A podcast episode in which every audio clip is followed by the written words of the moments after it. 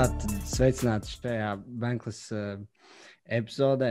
Uh, šī ir ļoti īpaša epizode. Jums ir ļoti īpašs viesis, uh, kuru es pat negaidīju. Uh, bet tā, tā nu sanāca, ka šī saruna tika iespējota uh, ar uh, internetu un konektivitātes palīdzību.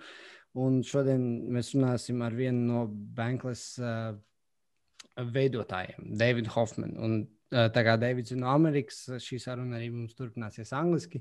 Lūdzu, atvainojiet manu akcentu, centīsimies, kā varēsim, un varēsim izpētīt varbūt dziļāk, kas, kas ir Bankless un ko mēs cenšamies ar šo visu izdarīt. So, with no further ado, David, welcome to the Bankless Latvia podcast. Ah, thank you for having me. Honored to be here. Yeah, that, that's great. Uh, so for the people that don't know you, because there's going to be a lot, of, a lot of listeners that hear your name for the first time, uh, can you tell a bit about yourself and your bankless journey, sort of? Yeah, sure. I got into the world of crypto back in 2017, as one does when prices go up and make a bunch of noise that attracts a lot of attention. And that's where it attracted my attention. Uh, and I just got enamored by uh, the, the possibilities of Ethereum, understanding that like the Bitcoin is the first cool, amazing thing to come out of the space. Ethereum as the thing that is Turing complete or infinitely expressive obviously should also produce something very, very cool to come out of this space. Uh, that was three years ago. Um, the things that have come out of the Ethereum ecosystem over the last three years have just been absolutely one of the most fascinating and fun journeys to watch, uh, watch it unfold in real time. Uh, you know, sometimes we were talking before we started recording, but we talked about how like, um, so uh, there, there's this phrase where there are decades where nothing happens at all but then there are weeks where decades happen. And you know ethereum you know it's, it's, it's six years old but so much of its lifespan is really just in the last two to three years.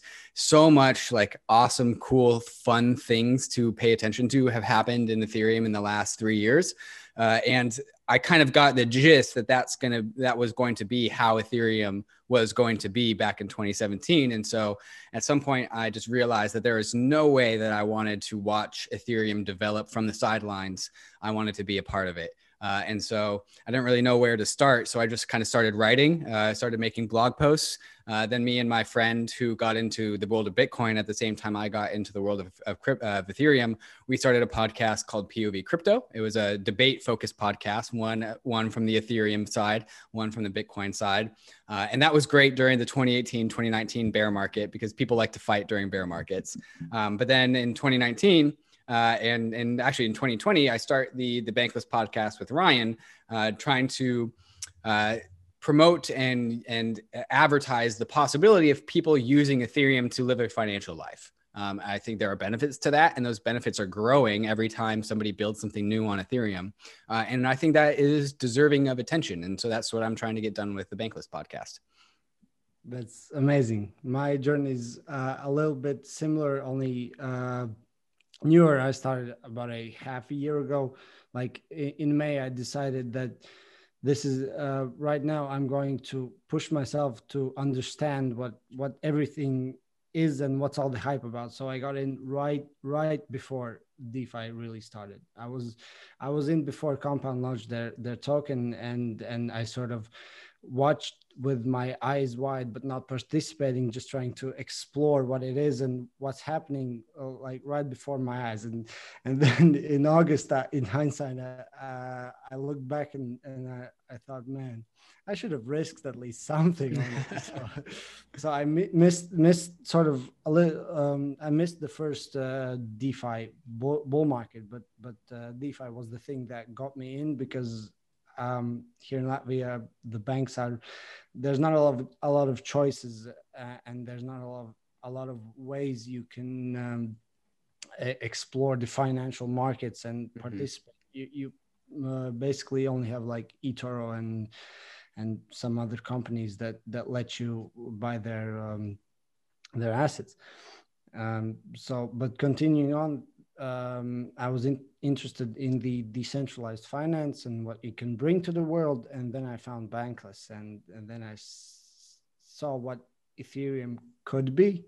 And that's what I wanted to talk to you about today. Um, there's one episode of the Bankless podcast called uh, A Bankless Nation.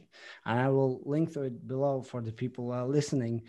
But it, it's a, a um, an episode based on a, a, blog article that you wrote about a um, digital nation, sort of. And there was a part one and a part two. And the part two of the podcast never came, so I'm I'm a bit disappointed on that. But uh, that that's what I wanted to continue the conversation on. So quickly, uh, a bankless nation.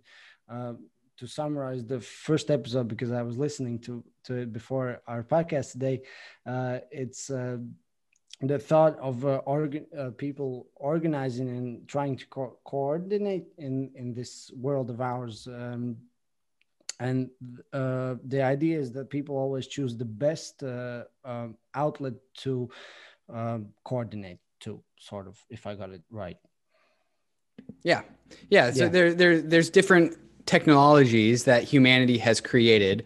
And uh, sometimes the technology that we create is coordination technology. Um, and I'm kind of using a technology expansively here. Like religion was an, uh, an invention to coordinate people, right? That we let's yeah. create a story that we can all rally behind and the best stories that people resonated with the most. And I and and I don't mean to say that you know religion is fake because it was invented. What I mean to say is that there's a lot of real real value in in religion. It's real story. It's fundamental to what people resonate with uh, and our it's in our dna to resonate with like a story like religion right? And so it's very very real but it's still a narrative that we share. And that is the coordinating tool right? And it's the the it's the entity the, the belief the shared story that we can all rally behind and coordinate as a species. And that was like kind of the first iteration of this coordinating technology. The next would be the, the nation state, like rules of law, borders, you know, courts, um, and just, you know, traffic laws of, of are just coordinating technology like yeah. a stop sign is a coordinating piece of technology um, just things that people use to make sure that they can cooperate with other people uh, and then of course i extend this out to things like bitcoin and ethereum these are things that people can choose to coordinate around like how powerful is it? Like the, the one of my favorite lines about bitcoin is that bitcoin is a money that you can use with your enemy right? Like if you if you are trying to send and receive payments from somebody that you absolutely hate bitcoin is a great tool to facilitate and coordinate that that payment because of how trustless it is. And it's a great coordination technology.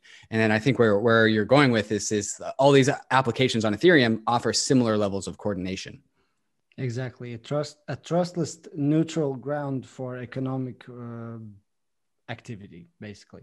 Exactly. And what I wanted to talk about today is more of uh, concentrating on the uh, part two of uh, the article of a bankless nation and sort of um, as we are seeing the evolvement of uh, Ethereum as the beacon chain launched in December and things are put, putting themselves together, all the money Legos in DeFi and everything building on top of one another. I wanted to ask you, how do you see uh, the uh, digital nation state um, evolving currently, like right now? Yeah, yeah. Um, so it's always been in my mental model that um, and maybe I'll start with some of the comparisons that I, that I made in part one and how I kind of extended those into part two. I use the United States nation as like this exemplar nation as a model. People generally understand it the most. And inside the United States, there are 50 states, which are part of a bigger nation, right? We have 50 distinct jurisdictions that, when you combine them all together, create the United States. Um, and I, I extend that metaphor into something like Ethereum, where like if you get a traffic law violation in in one state of of the United States, like that doesn't carry over to another state. Like you go across the border and your traffic violation stays in that previous state. Something bigger like murder would carry over to a new state, but something minor like a traffic law would would stay in that one state. And so like there's some amount of compartmentalization, like the what eh, the things, the events that happen inside of one state does not move over to another state. Um, and we can extend this to protocols on Ethereum, where, like, say I have a vault with MakerDAO. And so uh, Ether is roughly $1,000. I put one Ether into MakerDAO. I withdraw 500 DAI worth of debt that is me operating inside of one contract on Ethereum. That's the MakerDAO system of contracts. Um, and, and then that doesn't impact Compound. It doesn't impact Uniswap. It doesn't impact any of these other DeFi applications because I haven't interacted with them yet. But I could because they are all bordering states, right? Every single application on Ethereum is just one transaction away from every single other uh, uh, application on Ethereum. And so the interesting thing about this, where this metaphor between the states of the United States of America and the applications on Ethereum is that the applications on Ethereum all have borders with every other application on Ethereum. But like the states of the Amer- of America, in addition to being like all these other differences, so many differences. But like using this this mental model, you know a state a, a, piece of land can only have like borders with a certain number of other states like washington state is in the upper northwest corner and florida is in the lower right corner so those don't have surface area with each other but MakerDAO, Compound, Uniswap, they all share surface area. And so they all begin to coalesce into this larger organizational entity, which is Ethereum.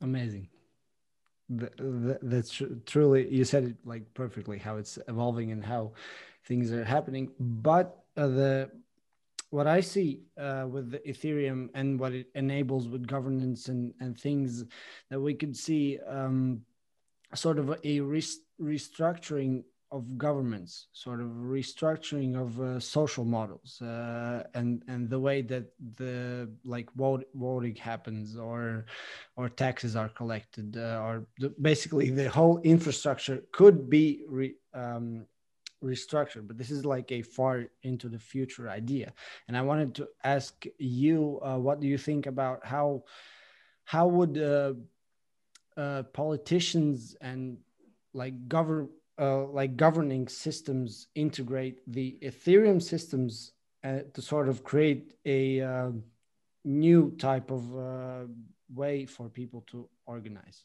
Yeah, yeah. So this is a, a, partly a conversation that we had with uh, Bruno Maçães when he was on our uh, the podcast not yeah, too long net, ago. Network state, yeah. Uh, yeah, no, that was that was Balaji. Um, Bruno, I think, oh. came one before with the the episode before him. Bruno's a, a political philosopher. Uh, crypto we, civilizations, if I'm right.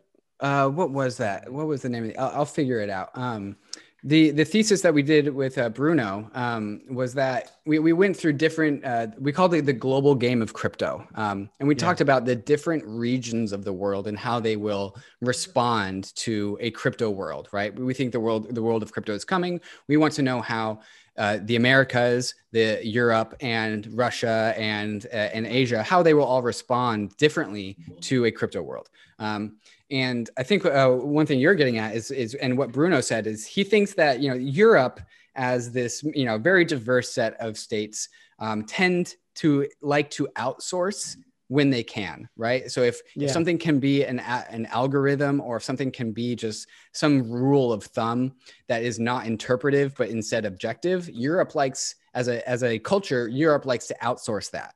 Uh, and so what that gets me excited about is that Ethereum, whatever to whatever degree that it can, might be a place to outsource responsibility of a nation state towards, right? Uh, what is the nation state other than just a system that makes sure that people own the things that they own correctly, right? Yeah. Like a nation state is, in addition to the other services that it provides, such as like plumbing and, and infrastructure and police force, uh, it also provides a property management system. Who owns what? Yet Ethereum and Bitcoin are also their own property management systems. And so what, what Bruno was alluding to is that you know Europe as a as a part of the world might be as a and as a culture with a certain disposition might be interested in using public permissionless blockchains like Ethereum to leverage their infrastructure to help support their own country and that probably that probably starts off something like money and payments because that's the easiest thing to get done um, other other countries like to you uh, receive the US dollar as a monetary policy. Some people use the US dollar as their reserve asset. And so using Ethereum as the way to facilitate trade in dollars might be useful to them. Um, there's there's plenty of talk about using a public blockchain to host a verifiable election. Um, we don't I don't know the details about how we actually get that done because there's plenty of other problems that need to be solved to make that happen. But it is yeah. within the realm of possibility. Um, there's also some we could even talk about perhaps maybe something more closer to a private blockchain when it comes to healthcare data like the, the healthcare data is a very fragmented industry that has tons of problems and inefficiencies. A public access blockchain, perhaps with some privacy technology such as ZK snarks, that uh, yeah. allows pri- uh, information to be persistently available on the internet, yet private to only a certain owner. That's interesting. Um, it's very possible that that you know these these governmental agencies actually reduce their own costs and expenditures by outsourcing responsibility to public blockchains. It's kind of like you're losing uh, using the cloud to get some of these things done that a nation state typically has responsibilities over. Yeah I would I would agree with that. Um, well, but continuing the conversation on more futuristic ideas uh, of uh, human coordination, mentioning the crypto civilizations and and what Bruno talked about, uh, the sort of network state. I really like the idea of the individual um, cooperating cooperating with the nation state. Sort of, there's a government, and then there are massive amounts of individuals and somehow um, uh, ethereum uh, could enable a sort of a better way to cooperate with these two entities so sort of um, the so the individual sort of has more influence on what's going on sort of uh, if there are local governments there's a uh, local like an application of voting stru- voting structure like I, I, want this road to be fixed and i want that the the resources are allocated there so everybody can sort of help with the furthering of uh, uh, infrastructural uh, up, updates sort of if if i said uh, improvements yeah. mm-hmm. yeah improvements yeah. Like that. But the next thing i wanted to talk talk to you about um, was an idea that's prevailing throughout the um, sort of evolution of human history, and it is uh, the topic of Moloch and slaying mm. it. Mm-hmm. and uh, the the question is really uh, really tricky. Uh, in your opinion, can can we do it? Can we manage to slay Moloch? For those that don't know, Moloch is uh, like the human coordination failure idea that that uh, as much as we try and as civilizations advance, they evolve and die and we cannot manage to get ourselves up our asses and coordinate like uh, better. But in your opinion, can we can we manage to do it? Yeah, yeah. So Moloch is is this idea that um, the more and more humans coordinate together and try to achieve a common goal, you are as a byproduct accidentally increasing the incentive to defect from that goal right the more humans coordinate together the the larger the bounty or reward is for somebody that says like well you guys go coordinate and i'll go do something else. And so the example for this might be like climate change where it would be great if we got all the countries of the world to coordinate to all reduce gas consumption reduce coal burning and you know to all to, to, save the planet. And maybe most countries do that. But the more that countries do that say say we all as a, as a globe, we all commit to not using oil and we all commit to electric cars and we all stop burning coal and we all start to commit to like nuclear or solar or something. Well, that makes gas, gasoline cheaper and that makes coal cheaper. And that it means that one country can be like, well, you guys go do all the hard stuff of uh, t- of learning how to manage solar energy and nuclear energy, because you guys are no longer consuming gasoline or coal. You're making gasoline and coal cheaper for, and so it's I'm more incentivized to just use that instead. And like the we can even get into a more distilled example where, you know, there are ten fishermen around a lake, and they all have the the ability to fish the lake to 100% of their their personal capacity to fish a lake. If they if all 10 fishermen maximize how much fish that they fish out of the lake, then the lake will de- be depleted. So the fishermen agree to only fish 70% of their capacity. And so they only get catch, you know, 70% of the fish. Uh, and that's what makes the, the lake sustainable. And for the future, it's net positive for everyone if they all cap themselves so they don't overfish the lake. But then it just takes one fisherman to say, like, well, you guys go and cap yourselves. I will continue to fish everything. And then they all watch that one person fish everything. And then they all they all say well he's doing it. And so i'm also he's not following the rules. So i'm also not going to follow the rules. And so every, everything falls apart. It's coordination failure. Yep. Can we actually exactly.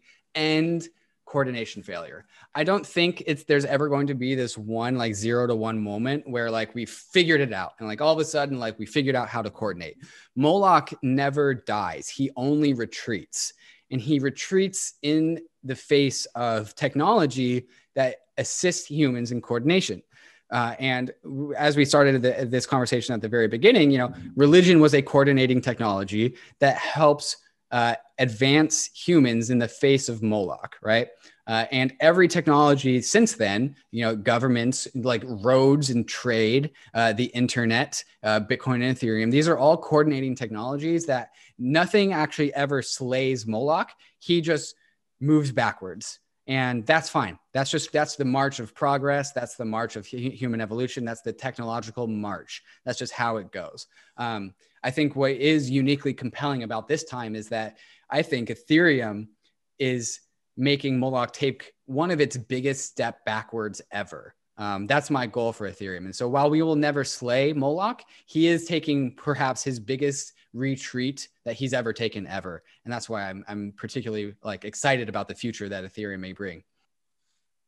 Yeah, that's per- perfectly said. Uh, I'd say I, I, do agree with you that the uh, slaying of Moloch, or as I like to call it, ego games and um, uh, attainment of uh, personal benefit over uh, the greater good, as someone might might call it, um, is it's a difficult game uh, of the human human advancement and evolution of uh, society.